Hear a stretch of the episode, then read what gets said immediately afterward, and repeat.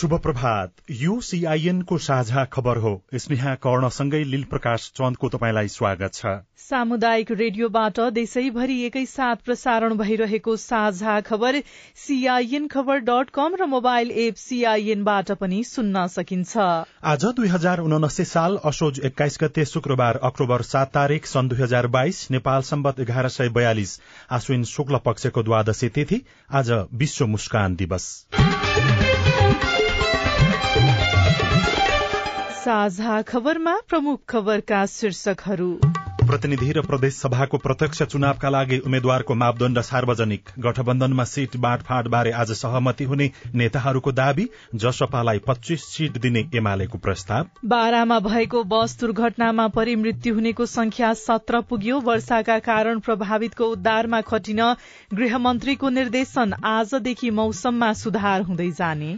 Dengue संक्रमणको जोखिम अझै एक महिना कायम रहने एघारवटा भन्सार कार्यालयबाट निर्यात दर शून्य चाडबाडमा हिंसामा परेको भन्दै उजुरी दिने क्रम बढ़्यो। विश्वव्यापी आर्थिक मन्दीको खतरा बढ़दै गएकोमा आईएमएफ चिन्तित सन् दुई हजार बाइसको साहित्यतर्फको नोबेल पुरस्कार फ्रान्सका ऐनीलाई थाइल्याण्डको शिशु स्याहार केन्द्रमा भएको आक्रमणमा परि मृत्यु हुनेको संख्या सैतिस पुग्यो। र फिफाको नयाँ वरियतामा नेपालको एक स्थान सुधार दक्षिण अफ्रिकासँग भारत नौ रनले पराजित।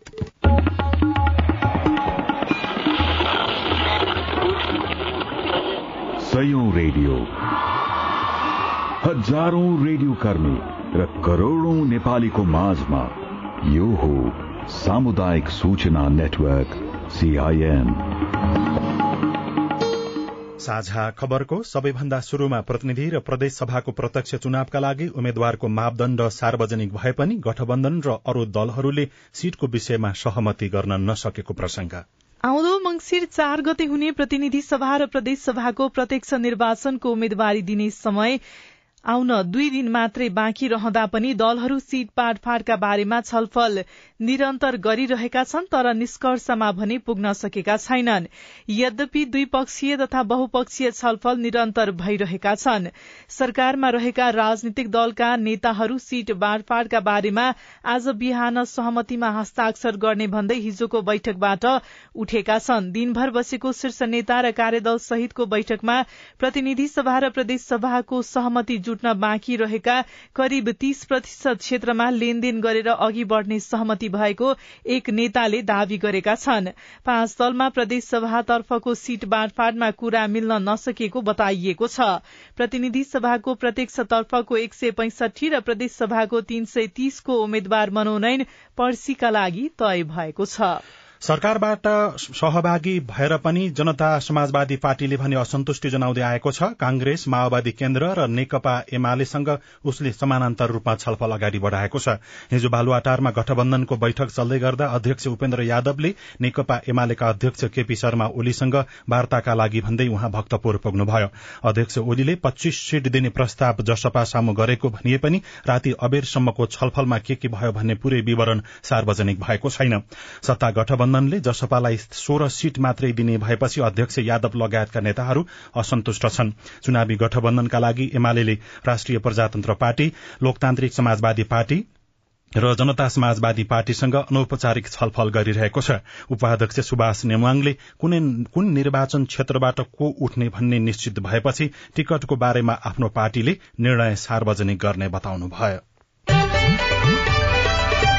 निर्वाचन आयोगले सार्वजनिक गरेको कार्यतालिका अनुसार सोच तेइस गतेको जागृत पूर्णिमाका दिन प्रतिनिधि सभा र प्रदेश सभा सदस्यका लागि उम्मेद्वारी दिनुपर्नेछ। आयोगले हिजो उम्मेद्वारको योग्यताको मापदण्ड सार्वजनिक गरेको प्रवक्ता शालिग्राम शर्मा पौडेलले सीआईएनसँग बताउनुभयो। प्रतिनिधि सभा तथा प्रदेश सभा निर्वाचन ऐन दुई हजार चौहत्तरमा भएको व्यवस्थाको बारेमा सबैलाई जानकारी होस् र यसमा कस्तो उम्मेद्वारहरू योग्य हुन्छ कस्तो उम्मेद्वारले मात्रै मनोनयन दिन पाउँछ भन्ने कुरा सम्बन्धित सबैले जानकारी प्राप्त गरोस् भन्ने उद्देश्यले हामीले आज यो विज्ञप्ति प्रकाशित गरेको। यो ऐनमा भएकै विषय हो। अलिक जानकारीमूलक होस् सबैतिर बाहिर आओस् हिसाबले विज्ञप्ति मार्फत निकालेको कतिपय चिजहरू त मनोनयनका साथमा राख्नुपर्छ जस्तो अब नागरिकताको प्रमाणपत्रको प्रतिलिपि होला अथवा मतदाता नामावलीको कुराहरू होला निसाहरूको कुराहरू छ होइन? यी कुराहरू त पेश गर्नु नै पर्छ। त्यो बाहेक मनोनयन परिसकेपछि अन्य उम्मेद्वार वा उम्मेद्वारको प्रतिनिधिहरूले कुनै उम्मेद्वारको सन्दर्भमा योग्यता पुगेको छैन अथवा ऊ अयोग्य छ भन्यो भने उसले दावी विरोध गर्न सक्छ निर्वाचन अधिकारी समक्ष। आयोगले हिजो सूचना जारी गर्दै कुनै व्यक्ति निर्वाचनमा उम्मेद्वार हुन नेपालको नागरिक हुनुपर्ने पच्चीस वर्ष उमेर पूरा भएको कुनै संघीय कानूनले अयोग्य नभएको र कुनै लाभको पदमा बहाल नरहेको हुनुपर्नेछ। भ्रष्टाचार जबरजस्तीकरणै मानव बेचबिखन तथा ओसार पसारमा संलग्न वा सजाय कसुर नपाएका व्यक्ति योग्य हुने आयोगले जनाएको छ। चुनाव नजिकै गर्दा राजनैतिक दलहरू घोषणा पत्र लेखनको कामलाई पनि तीव्रता दिइरहेका छन्। घोषणा पत्र लेखनका लागि नेताहरूलाई जिम्मेवारी दिएर सरकारवाला निकायको सुझाव लिएर औपचारिक तथा अनौपचारिक रूपमा छलफल भइरहेको नेताहरूले भनिरहँदा घोषणा पत्र आकर्षक बनाउन खोज्दा कार्यान्वयनमा समस्या आउने गरेको गुनासो पनि सुनिन थालेको छ। सीआईएनसँग कुराकानी गर्दै सड़क आश्रित मानव मुक्त अभियान नेपालका अध्यक्ष पद्म प्रसाद घिमिरेले भन्नुभयो। चुनाव आउँदैछ। अब चाहिँ हाम्रा सारा नागरिकले जो आउनुहुन्छ उम्मेद्वार भनेर उहाँहरूलाई प्रश्न गर्नुपर्छ। तपाईँहरूले हाम्रो जीवन स्तर उकास्नको लागि हाम्रो जीवनमा परिवारमा खुसी ल्याउनको लागि खुसी प्रवर्धन केन्द्र खोल्नुहुन्छ कि खोल्नुहुन्न? जस्तो तनावकै अवस्थामा हामीले व्यवस्थापन गर्न सक्यौं भनेदेखि आत्महत्याको तहसम्म पुग्दै पुग्दैन। यो पारिवारिक सामाजिक रोगका कारणले हुन्छ। यो चाहिँ हामीले सुरुकै अवस्थामा चाहिँ सम्बोधन गर्न सक्यौं। भने आत्महत्याको सोचको अवस्थामा पुग्दै पुग्दैन। सुन्दाखेरि तितो लाग्न सक्छ। एउटा नेताको एउटा मन्त्रीको उपचार खर्च चाहिँ पचास लाखदेखि करोड़सम्म भएको देखिएको छ विदेशमा जाँदाखेरि। त्यो पचास लाख करोड़ रुपियाँ जुन लगानी भएको छ उहाँहरूको स्वास्थ्यमा मेरो प्रश्न होइन। त्यो एक करोड़ रुपियाँले एक सय जनाको परिवार चाहिँ सड़क आश्रितको जीवन चाहिँ परिवर्तन गर्न सक्छ।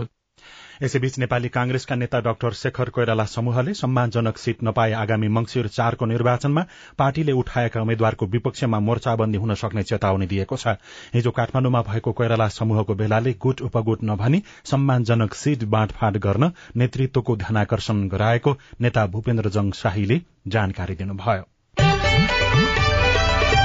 बाराको जितपुर सिमरा उपमहानगरपालिका बाइस समलेखगंज स्थित तीन नम्बर पुल नजिक भएको बस दुर्घटनामा परि मृत्यु हुनेको संख्या सत्र पुगेको छ।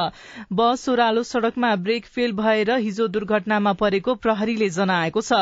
दुर्घटनामा मृतक सत्र मध्ये पन्ध्र जनाको शनाखत भएको जिल्ला प्रहरी कार्यालय बाराका प्रहरी प्रमुख एसपी होविन्द्र बोगटीले जानकारी दिनुभयो दुर्घटनामा घाइते भएका उनातिस जना मध्ये केहीको अवस्था गम्भीर रहेको पनि उहाँले बताउनुभयो।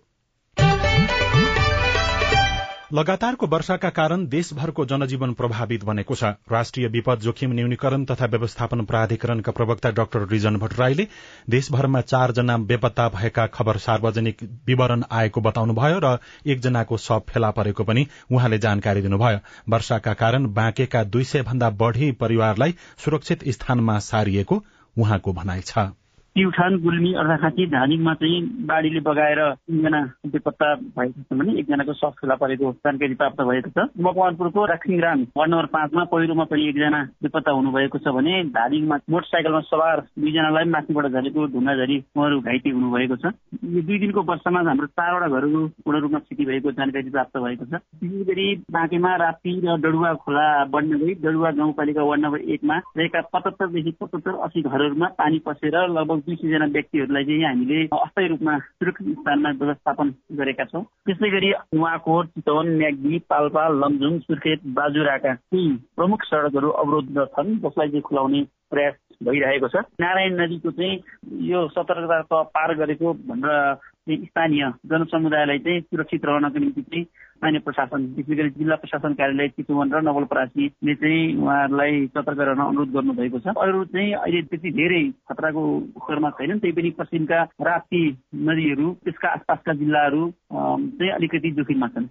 यसैबीच हिमाली जिल्ला मनाङमा हिमपात भएको छ। केही दिनको अविरल वर्षासँगै मनाङको निस्याङ गाउँपालिका र नार्पाभूमि गाउँपालिकाको पूरै बस्ती ढाकिने गरी हिमपात भएको प्रहरी प्रशासनले जानकारी दिएको छ। गृहमन्त्री बालकृष्ण खानले भने मंगलबार रातिबाट परेको निरन्तरको वर्षाका कारण भएको बाढ़ी पहिरो र डुबान प्रभावितको उद्धारमा खटिन सम्बन्धित निकायलाई निर्देशन दिनुभएको छ। जल तथा मौसम पूर्वानुमान महाशाखाले आजदेखि मौसममा सुधार हुँदै जाने सम्भावना रहेको बताएको छ। केही बेर अघि सीआईएनसँग कुराकानी गर्दै मौसमविद राजु प्रधानाङ्गले भन्नुभयो आज चाहिँ कर्णाली र सुदूरपश्चिम प्रदेशमा सामान्यदेखि पूर्ण बदलिरहने होइन? अनि बाँकी भूभागमा चाहिँ आंशिक देश सामान्य बदलिरहने देखिन्छ। त्यसै लुम्बिनी कर्णाली र सुदूरपश्चिमका धेरै र बाँकीका केही स्थानहरूमा मेघर्जन चट्याङ सहित हल्कादेखि मध्यम वर्षाको सम्भावना छ। साथसाथै सुदूरपश्चिमका केही कर्णालीका थोरै र लुम्बिनी र गण्डकी प्रदेशका केही स्थानमा भारी वर्षा भारीदेखि धेरै भारी वर्षाको सम्भावना रहेको छ। आजबाट बिस्तारै मौसम सुधार पनि हुने हो। हो। कर्णाली चाहिँ पश्चिमतिर सर्दै जाने हुनाले मध्य र पूर्वतिर चाहिँ सुधार नै हुन्छ मौसममा।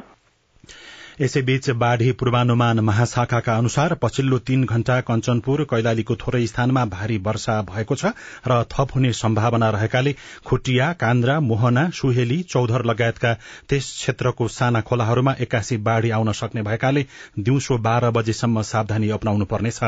तीन घण्टादेखि भेरी जलाधारको विभिन्न स्थानमा भारी वर्षा भई जल सतह सतर्कता खतरा तह आसपास पुगेको र थप वर्षा हुने देखिएकाले भेरी नदीको रिम्नादेखि कर्णाली दोभानसम्म अर्को छ घण्टासम्म उच्च सतर्कता अपनाउन बाढ़ी पूर्वानुमान महाशाखाले अनुरोध गरेको छ। गोरखा धादिङ लमजुङ तनहु पाल्पा स्याङ्जा नवलपरासी कपिलवस्तु दाङ प्युठान लगायतका विभिन्न जिल्लामा वर्षा भइरहेकाले सावधानी अपनाउन भनिएको छ।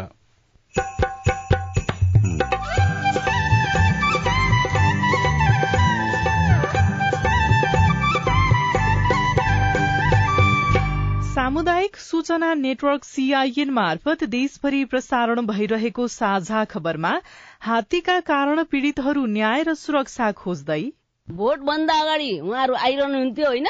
हात्ती पनि रोकथाम गर्छौँ गाउँको समस्याहरू पनि रोकथाम गर्छौँ भन्नुहुन्छ होइन? तर अहिले फेरि हामीले अनुहार देखेका छैनौँ। डेंगी संक्रमणको जोखिम अझै एक महिना कायम रहने एघारवटा भन्सार कार्यालयबाट निर्यात दर शून्य चाडबाडमा हिंसामा परेको भन्दै उजुरी दिने क्रम बढ़्यो। लगायतका खबर बाँकी नै छन्। सीआईएनको साझा खबर सुन्दै गर्नुहोला।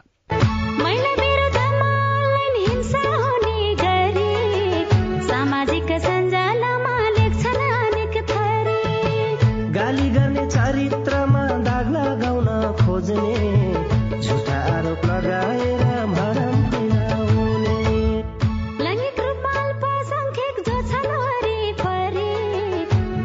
थरी हिंसा गर्छन् होच्याउने गरी।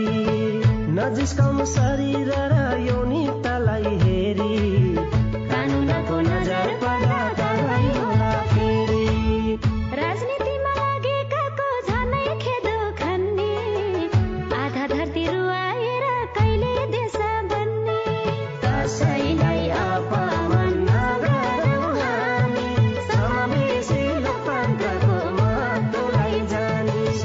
सञ्जाल लगायत अनलाइनमा हुने मिथ्या समाचार दुष्प्रचार र घृणा जन्ने अभिव्यक्ति कानूनी रूपमा दण्डनीय छ।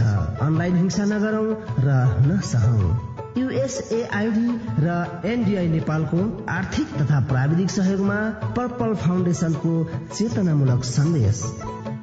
सामाजिक रूपान्तरणका लागि यो हो सामुदायिक सूचना नेटवर्क सीआईएन तपाई अहिले देशभरिका सामुदायिक radio CIN Khabar dot com र मोबाइल एप सीआईएनबाट एकैसाथ साझा खबर सुन्दै हुनुहुन्छ।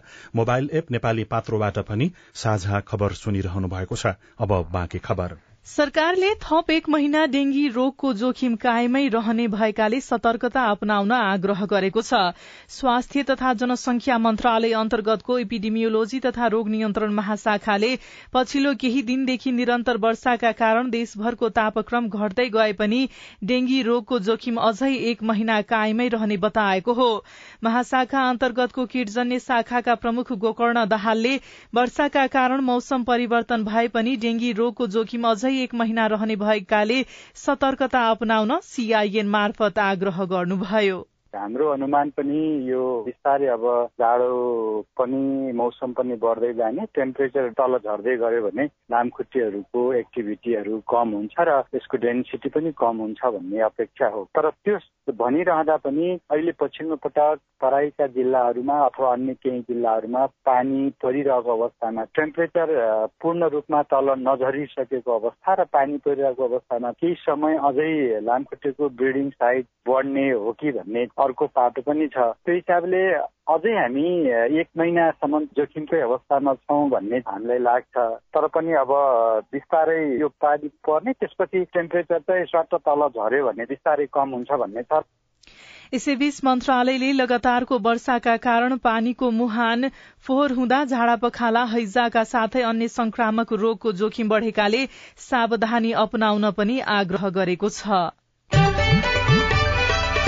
नेपालका एघारवटा भन्सार कार्यालयबाट निर्यात हुने दर शून्यमा झरेको पाइएको छ। भन्सार विभागको तथ्याङ्क अनुसार चालू आर्थिक वर्षको दुई महिनामा नेपालका एघारवटा भन्सार कार्यालयबाट कुनै पनि वस्तु निर्यात भएको छैन।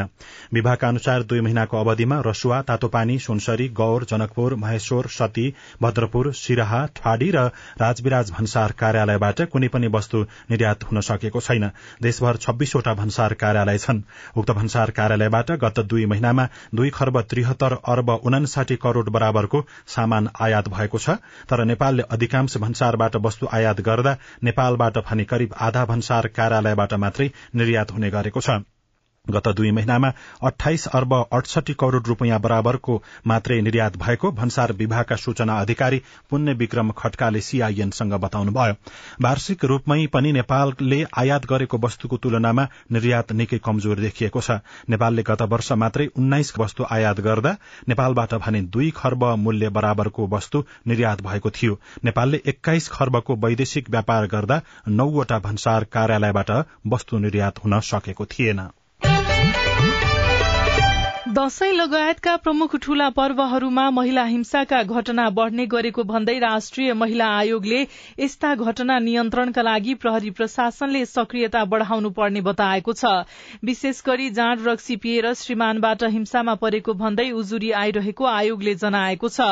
समस्यामा परेकाहरूको उद्धार तथा उजुरी लिनका लागि राष्ट्रिय महिला आयोगले दशैंको विदाको समयमा पनि उजुरी लिने गुनासो सुन्ने व्यवस्था गरेको आयोगका प्रवक्ता चमिला भट्टराईले सीआईएनसँग बताउनुभयो। फोनबाट उजुरी लिने हुन्छ।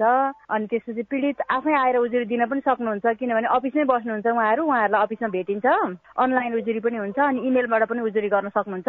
त्यो सेवा चाहिँ हाम्रो कन्टिन्यू रहन्छ दसैँ तिहार शनिबार चाडपर्व जुनसुकै बेला पनि रहन्छ र पीडितहरूले चाहिँ जुनसुकै बेला जहाँबाट पनि खबर गरौँ एघार पैँतालिस हेल्पलाइन सेवामा फोन गरेर चाहिँ आफ्नो उजुरीहरू टिपाउन सक्नुहुन्छ। सेवालाई चाहिँ चाडबाडको समयमा पनि निरन्तरता प्रदान गरेको छ। दसैँ तिहारमा चाहिँ विशेष गरी एकदम ड्रिङ्क्स गर्ने श्रीमानहरूले अनि श्रीमतीलाई कुटपिट गर्ने उहाँहरू त घाउ चोटै लिएर कहिले काहीँ अफिसमै आइपुग्नु भएको हुन्छ एकदमै ठुल्ठुलो घाउ चोट बनाइदिने अनि त्यस्तो खालको घटना हुन्छ। एघार पैंतालिस हेल्पलाइनका लागि दसजना कर्मचारी चार शिफ्टमा आलो पालो खटिएको आयोगले जनाएको छ। साझा खबरमा अब हेलो सीआईएन सजना तिमल सिन्हाबाट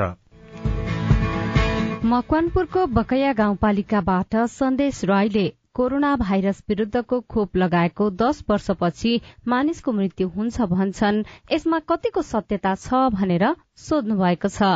सन्देशजी तपाईँले सुन्नुभएको हल्लामा कतिको सत्यता छ? हामीले सरुवा रोग विशेषज्ञ डाक्टर शेरबहादुर पुनलाई सोधेका छौं। त्यो दस वर्षपछि यस्तो हुन्छ अथवा बिस वर्षपछि यस्तो हुन्छ अथवा न कुनै समयपछि यस्तो हुन्छ भन्ने कुरा भनेको चाहिँ कतै सत्यता चाहिँ छैन। तुलसीपुर दाङदेखि फ्यान्सी व्यावसायिक नाम नभन्ने शर्तमा तुलसीपुर उपमहानगरपालिकाको उपप्रमुख स्यानी चौधरी म्यामलाई यो छ कि यो तुलसीपुरमा जसरी उहाँ सडक पेटी व्यापार व्यवसाय उहाँहरूले जो हटाउन लाग्नु भएको छ उहाँले पहिला हटाएर जानुभयो फेरि पनि हाम्रो यो भाँडा जो तुलसीपुर वीरेन्द्र चोकको भाँडा पसलमाथि जो पहिले मान्छेहरूले नालादेखि अहिले भित्र राख्ने गर्थे व्यवसायीहरूले अहिले त्यो फेरि उहीँ तल सडकसम्म ल्याएर राखिरहेका छन् अनि त्यो विषयमा के पहल चालिरहनु भएको छ? तपाईँको प्रश्न सुनेपछि दाङको तुलसीपुर उपमहानगरपालिकाका नगर उपप्रमुख स्यानी चौधरीको जवाब छ। बाटो त सफा गर्नुपर्छ बाटोमा हिँड्ने बाटोलाई डिस्टर्ब गर्नुहुन्न भन्ने कुरा हो हामीले। त्यसको लागि विशेष गरी अब जो व्यापारी हुनुहुन्छ उहाँहरूलाई अवेरनेस गर्दैछौँ। अहिले पनिस गर्न गइराखेको छैन। अब भन्दा भन्दै पनि उहाँहरूले मान्नु भएन भने त्यो कुराहरू हामीले नीतिगत रूपमा उहाँहरूलाई गर्छौँ। जिल्ला पार्टी कार्यालयबाट टिमबाट म विजय कुमार सुब्बा बोलेको मेरो श्रीमतीले जिल्ला मोरङबाट चाहिँ संबन्ध विच्छेदको मुद्दा लगाई ताप्लेजुङ जिल्ला अदालतबाट न्यायता मैले बुझेको छु र मुद्दाको प्रतिवाद दिन मोरङ जिल्ला अदालतै पुग्नुपर्छ कि ताप्लेजुङ जिल्ला अदालतबाट नै हुन्छ होला। तपाईँको जिज्ञासामा मोरङ जिल्ला अदालतका सूचना अधिकारी हेम बहादुर बुढाथोकी जिल्ला अदालत मोरङमै हाजिर हुनुपर्ने बताउनुहुन्छ।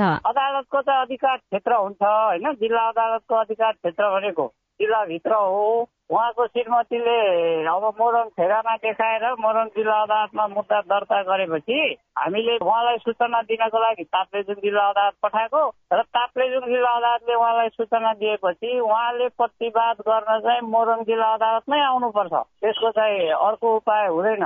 तपाई जुनसुकै बेला हाम्रो आइपीआर नम्बर शून्य एक बान्न साठी छ चार छमा फोन गरेर आफ्नो प्रश्न गुनासो विचार अनि प्रतिक्रिया रेकर्ड गर्न सक्नुहुन्छ। साझा खबरमा अब विदेशका खबर। अन्तर्राष्ट्रिय मुद्रा कोष आईएमएफले विश्वव्यापी आर्थिक मन्दीको खतरा बढ़दै गएकोमा चिन्ता व्यक्त गरेको छ। आईएमएफका प्रबन्ध निर्देशक क्रिस्टालिना जर्जिवाले युक्रेनमाथि रूसको आक्रमण र कोरोना महामारीका कारण उत्पन्न भएको परिस्थितिले विश्व अर्थतन्त्रलाई नराम्रोसँग प्रभावित बनाएको बताउनुभयो। जर्जिवाले विश्व अर्थतन्त्रलाई स्थिर बनाउनका लागि सबैले मिलेर काम शुरू गर्ने पर्ने भन्दै महँगी जस्ता समस्यालाई कम गर्नमा सबैले ध्यान दिनुपर्ने उल्लेख गर्नुभयो। सन् दुई हजार बाइसको साहित्यतर्फको पुरस्कार फ्रान्सका ऐनी एरेनालाई प्रदान गरिने भएको छ। राजनीतिक र सामाजिक असमानतालाई मुद्दा बनाएर ऐनीले किताब लेख्दै आउनु भएको छ।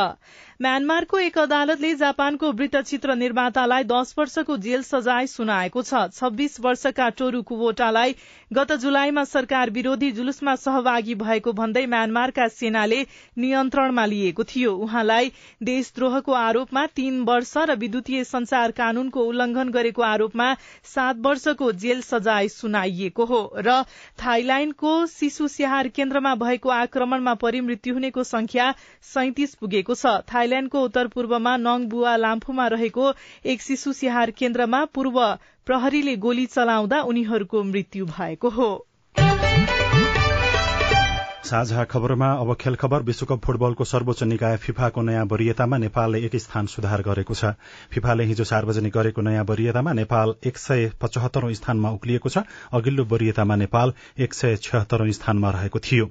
दक्षिण अफ्रिका विरूद्धको पहिलो एक दिवसीय क्रिकेटमा भारत पराजित भएको छ। भारतको लखनऊमा हिजो वर्षाको कारण चालिस ओभरमा झारिएको खेलमा भारतलाई दक्षिण अफ्रिकाले नौ रनले हराएको हो। जितसँगै तीन खेलको श्रृंखलामा दक्षिण अफ्रिकाले एक शून्यको अग्रता बनाएको छ। दक्षिण अफ्रिकाले दिएको दुई सय पचास रनको लक्ष्य पछ्याएको भारतले चालिस ओभरमा आठ विकेट गुमाएर दुई सय चालिस रन मात्र बनाउन सक्यो। र अर्जेन्टिनाका फुटबल खेलाड़ी लियोनल मेस्सीले कतारमा हुने विश्वकप फुटबल आफ्नो अन्तिम विश्वकप हुने बताउनु भएको छ। ल्याटिन अमेरिकी संचार माध्यमसँग कुराकानी गर्दै उहाँले कतार विश्वकपपछि आफू फुटबल क्षेत्रबाट विदा हुने बताउनुभयो। सन् दुई हजार एक्काइसमा कोपा अमेरिका जितेपछि अर्जेन्टिना विश्वकपको उपाधि दावेदार टीम मानिएको छ। हात्तीको सक्रियताका कारण मानव बस्ती जोखिममा रेडियो रिपोर्ट स्वस्थ जीवनशैली सम्बन्धी सन्देश अरू खबर र कार्टुन पनि बाँकी नै छ। सीआईएनको साझा खबर सुन्दै गर्नुहोला। नेपाल टेलिकमको सूचनाको संसार। होइन के सुनेको यस्तो ध्यान दिएर दोहोरो बोलेको जस्तो नि देख्दिन। तीन दुई एक शून्य शून्य क्या? तीन दुई एक शून्य शून्य? के हो त्यो भने? बुझिन त। ल सुन एनटिसी प्रयोगकर्ताहरूले आफ्नो मोबाइल तथा ल्यान्डलाइनमा तीन दुई एक शून्य शून्य डायल गरी समाचार रेडियो कार्यक्रम खेल र अन्य विषय बारे सन्देशहरू जुनसुकै बेला निशुल्क सुन्न सक्छन्। ओहो निशुल्क? कस्तो सजिलो। समाचार सुन्न छुट्यो भनेर पिर लागेको थियो। अब त म पनि सुनिहाल्छु। कति रे? तीन दुई एक शून्य शून्य। सामाजिक रूपान्तरणका लागि यो हो सामुदायिक सूचना नेटवर्क सीआईएन साझा खबरमा अब हात्ती पीड़ितका कुरा। नेपालमा बढ़ीमा दुई सय तीसवटा जंगली हात्ती रहेको अनुमान छ। तीनै जंगली हात्तीबाट तराई क्षेत्रका मानिसहरूले धेरै दुःख र क्षति बेहोर्दै आएका छन्। अझ सीमा क्षेत्रका नागरिकलाई त भारतीय जंगली हात्तीले पनि दुःख दिन्छ। पूर्वी सिमाना झापा बाहुन डाङ्गीका नागरिक पनि भारतीय जंगली हात्तीकै कारण आजित बनेका छन्। मेचीनगर एकका मातृका प्रसाद गुरागाईले हात्तीको आक्रमणबाट आमालाई गुमाउनु पर्यो। यो घटना भएको तीन दशक बितिसक्यो तर हात्ती आक्रमण र जनधनको क्षतिको सिलसिला रोकिएको छैन। त्यति पछाडि पनि चार पाँचवटा घटना घट्यो। पाँच छजना मान्छे हात्तीको आतंकबाट मरेका छन्। हात खुट्टा ठिकै भए पनि गरी खान नसक्ने खालका पनि छन् एक दुईजना। आतंक बहुत छ। डिभिजन वन कार्यालयमा राखिएको रेकर्ड अनुसार पछिल्लो बाह्र वर्षमा हात्तीको आक्रमणमा परि झापामा मात्रै पचपन्न जनाको मृत्यु भएको छ। हात्तीबाट नेपालमा वर्षेनी औसतमा दसदेखि पन्ध्र जनाको मृत्यु हुने गरेको देखिन्छ। मेचीनगर एकका शान्ता कटुवाल हात्तीको कारण भोग्नु परेको दुःख यसरी सुनाउनुहुन्छ। ज्यान भन्दा पनि घर जोगाउनु पर्यो। त्यही भएर अब बाली नाली पनि जोगाउनु पर्यो। श्रीमतीहरू घरमा सुतेर श्रीमानहरू जति चाहिँ उहाँ खोलाको डिलमा बसेर चाहिँ खेती बाली नाली जोगाएर हामीले खानु परेछ त्यसरी। यहाँ अब साँच्चै भने आधा पेट खाएर बसेका छन् मान्छेहरू। जंगली हात्ती गाउँ छिरेका बेला स्थानीय मानिसहरू साँझ परेपछि घर बाहिर निस्कन र हिडुल गर्न डराउँछन्। कहिले यता कहिले उता होइन यो तेलपानीतिर पनि जान्छन् पूर्वबाट आएर बिहानको खेरि फर्किन्छन् पनि। अब बेलुका खाना खाएर हामी कतै निक्लिन सक्दैनौँ त्यस्तो भएपछि। वर्षेनी धान मकै गहुँ कोदो लगायत कृषि बाली र घर टहरा गरी करोड़ौंको धनमाल हात्तीबाट नोक्सान हुने गरेको छ। तर हात्ती नियन्त्रण र गाउँको सुरक्षाका लागि तिनै तहका सरकारले उल्लेख्य काम नगरेको प्रभावित क्षेत्रका नागरिक गुनासो गर्छन्। भोट भन्दा अगाडि उहाँहरू आइरहनुहुन्थ्यो होइन?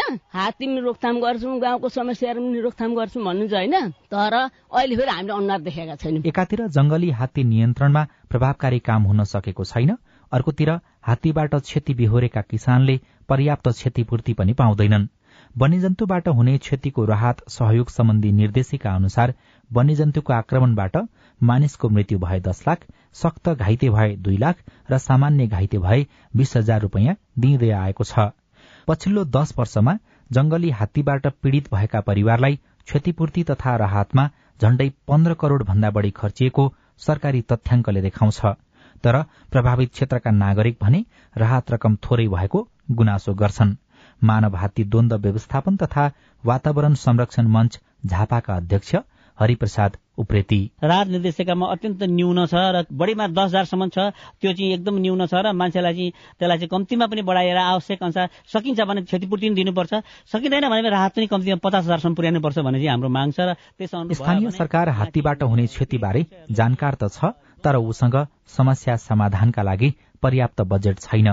मेचीनगर एकका वडा अध्यक्ष रामकुमार राई। अब हामीलाई स्थानीय तहको बजेटले त त्यो सम्भावना पनि छैन। प्रदेश सरकार र संघीय सरकार र संघीय सरकारले पनि नहुँदाखेरि आइएनजिओ मार्फत पैसा ल्याएर त्यो मेन्टेन्स गर्न पाए यहाँको मान्छेहरूको लागि दीर्घकालीन समस्या समाधान हुने थियो। मानव हात्ती द्वन्दका कारण औसतमा हरेक वर्ष तीनदेखि चारवटा हात्ती मारिने गरेको तथ्याङ्कले देखाउँछ।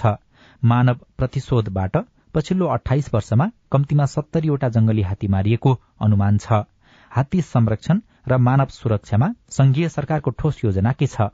वन मन्त्रालयका प्रवक्ता मेघनाथ काफले। संघीय सरकारले दिने राहतको विषय त्यहाँ सम्बोधन भएको छ। यसलाई चाहिँ स्थानीय सरकारहरूले आफ्नो हिसाबले अरू सम्बोधन गरेर जान सक्ने ठाउँहरू पनि छ। त्यसको अपेक्षा पनि संघीय सरकारले राखेको छ किनभने यो समस्याको हिसाबले हेऱ्यो भने स्थानीय स्तरमा समस्या पनि हो। र वन्यजन्तुको हिसाबले पर्यावरणका हिसाबले चाहिँ यसलाई सोच्यो भने एक किसिमको अवसर पनि हो। पूर्व मेचीदेखि पश्चिम महाकालीसम्म करिब दस लाख मानिस हात्तीबाट प्रत्यक्ष प्रभावित छन्। तर मानव हात्ती द्वन्द व्यवस्थापनमा सरकारको पहल प्रभावकारी नदेखिएको वन क्षेत्रका विज्ञहरूको बुझाइ छ। राजन रुचाल सीआईएन काठमाडौँ। रिपोर्टसँगै हामी साझा खबरको अन्त्यमा आइपुगेका छौं। सामुदायिक रेडियो प्रसारक संघद्वारा संचालित सीआईएनको बिहान छ बजेको साझा खबर सक्नु अघि मुख्य मुख्य खबर फेरि एकपटक। प्रतिनिधि र प्रदेश सभाको प्रत्यक्ष चुनावका लागि उम्मेद्वारको मापदण्ड सार्वजनिक गठबन्धनमा सीट बाँडफाँड बारे आज सहमति हुने नेताहरूको दावी जसपालाई पच्चीस सीट दिने एमालेको प्रस्ताव। बाह्रमा भएको बस दुर्घटनामा मृत्यु हुनेको संख्या सत्र पुग्यो। वर्षाका कारण प्रभावितको उद्धारमा खटिन गृह मन्त्रीको निर्देशन। आजदेखि मौसममा सुधार हुँदै जाने। डेंगी संक्रमणको जोखिमका अझै एक महिना कायम रहने एघारवटा भन्सार कार्यालयबाट निर्यात दर शून्य। चाडबाडमा हिंसामा परेको भन्दै उजुरी दिने क्रम बढ़्यो। विश्वव्यापी आर्थिक मन्दीको खतरा बढ़दै गएकोमा आईएमएफ चिन्तित। सन् दुई हजार बाइसको साहित्यतर्फको नोबेल पुरस्कार फ्रान्सका ऐनीलाई थाइल्याण्डको शिशु स्याहार केन्द्रमा आक्रमण परि मृत्यु हुनेको संख्या सैतिस पुग्यो। र फिफाको नयाँ वरियतामा नेपालको एक स्थान सुधार। साझा खबरको अन्त्यमा कार्टुन। कार्टुन हामीले राजेश केसीले बनाउनु भएको गुगल अभिलेखबाट कार्टुन लिएका छौं। व्यङ्ग्य गर्न खोजिएको छ। पछिल्लो समयमा डेंगी अझै नियन्त्रणमा आउन सकेको छैन तर मन्त्रीहरूले नै यसबारेमा अफवाह फैलाएको र यसलाई व्यवस्था गरेको भन्दै आलोचना भइरहेको छ। एयरलाइन्स लेखिएको छ र जहाजबाट मन्त्री झर्दै गरेका छन् तर उनलाई एकजना व्यक्तिले काँधमा बोकेका छन्। अगाडि अगाडि एकजना सुरक्षाकर्मी धूप बालेर हिँडिराखेका छन्। र ती मन्त्रीको काँधमा भने माला देखिन्छ र अगाडिपट्टि केही लेखेको जस्तो चीजले ती उनलाई बोकिराखेका व्यक्तिको मुख छोपिएको छ माथि चाहिँ यस्तो लेखिएको छ डेङ्गी लामखुट्टे डेङ्गी लामखुट्टे घुँडा भन्दा माथि उड्दैन क्या? त्यो हल्ला मात्रै हो क्या? हल्ला। हवस् त प्राविधिक साथी सुनिल राज भारतलाई धन्यवाद। अहिलेलाई लील प्रकाश चन्द्र स्नेहा कर्ण विदा भयौं। तपाईँको आजको दिन शुभ होस्। नमस्कार। यसपछि देशभरिका सामुदायिक रेडियोबाट कार्यक्रम हेलो सांसद प्रसारण हुनेछ। सुन्ने प्रयास गर्नुहोला।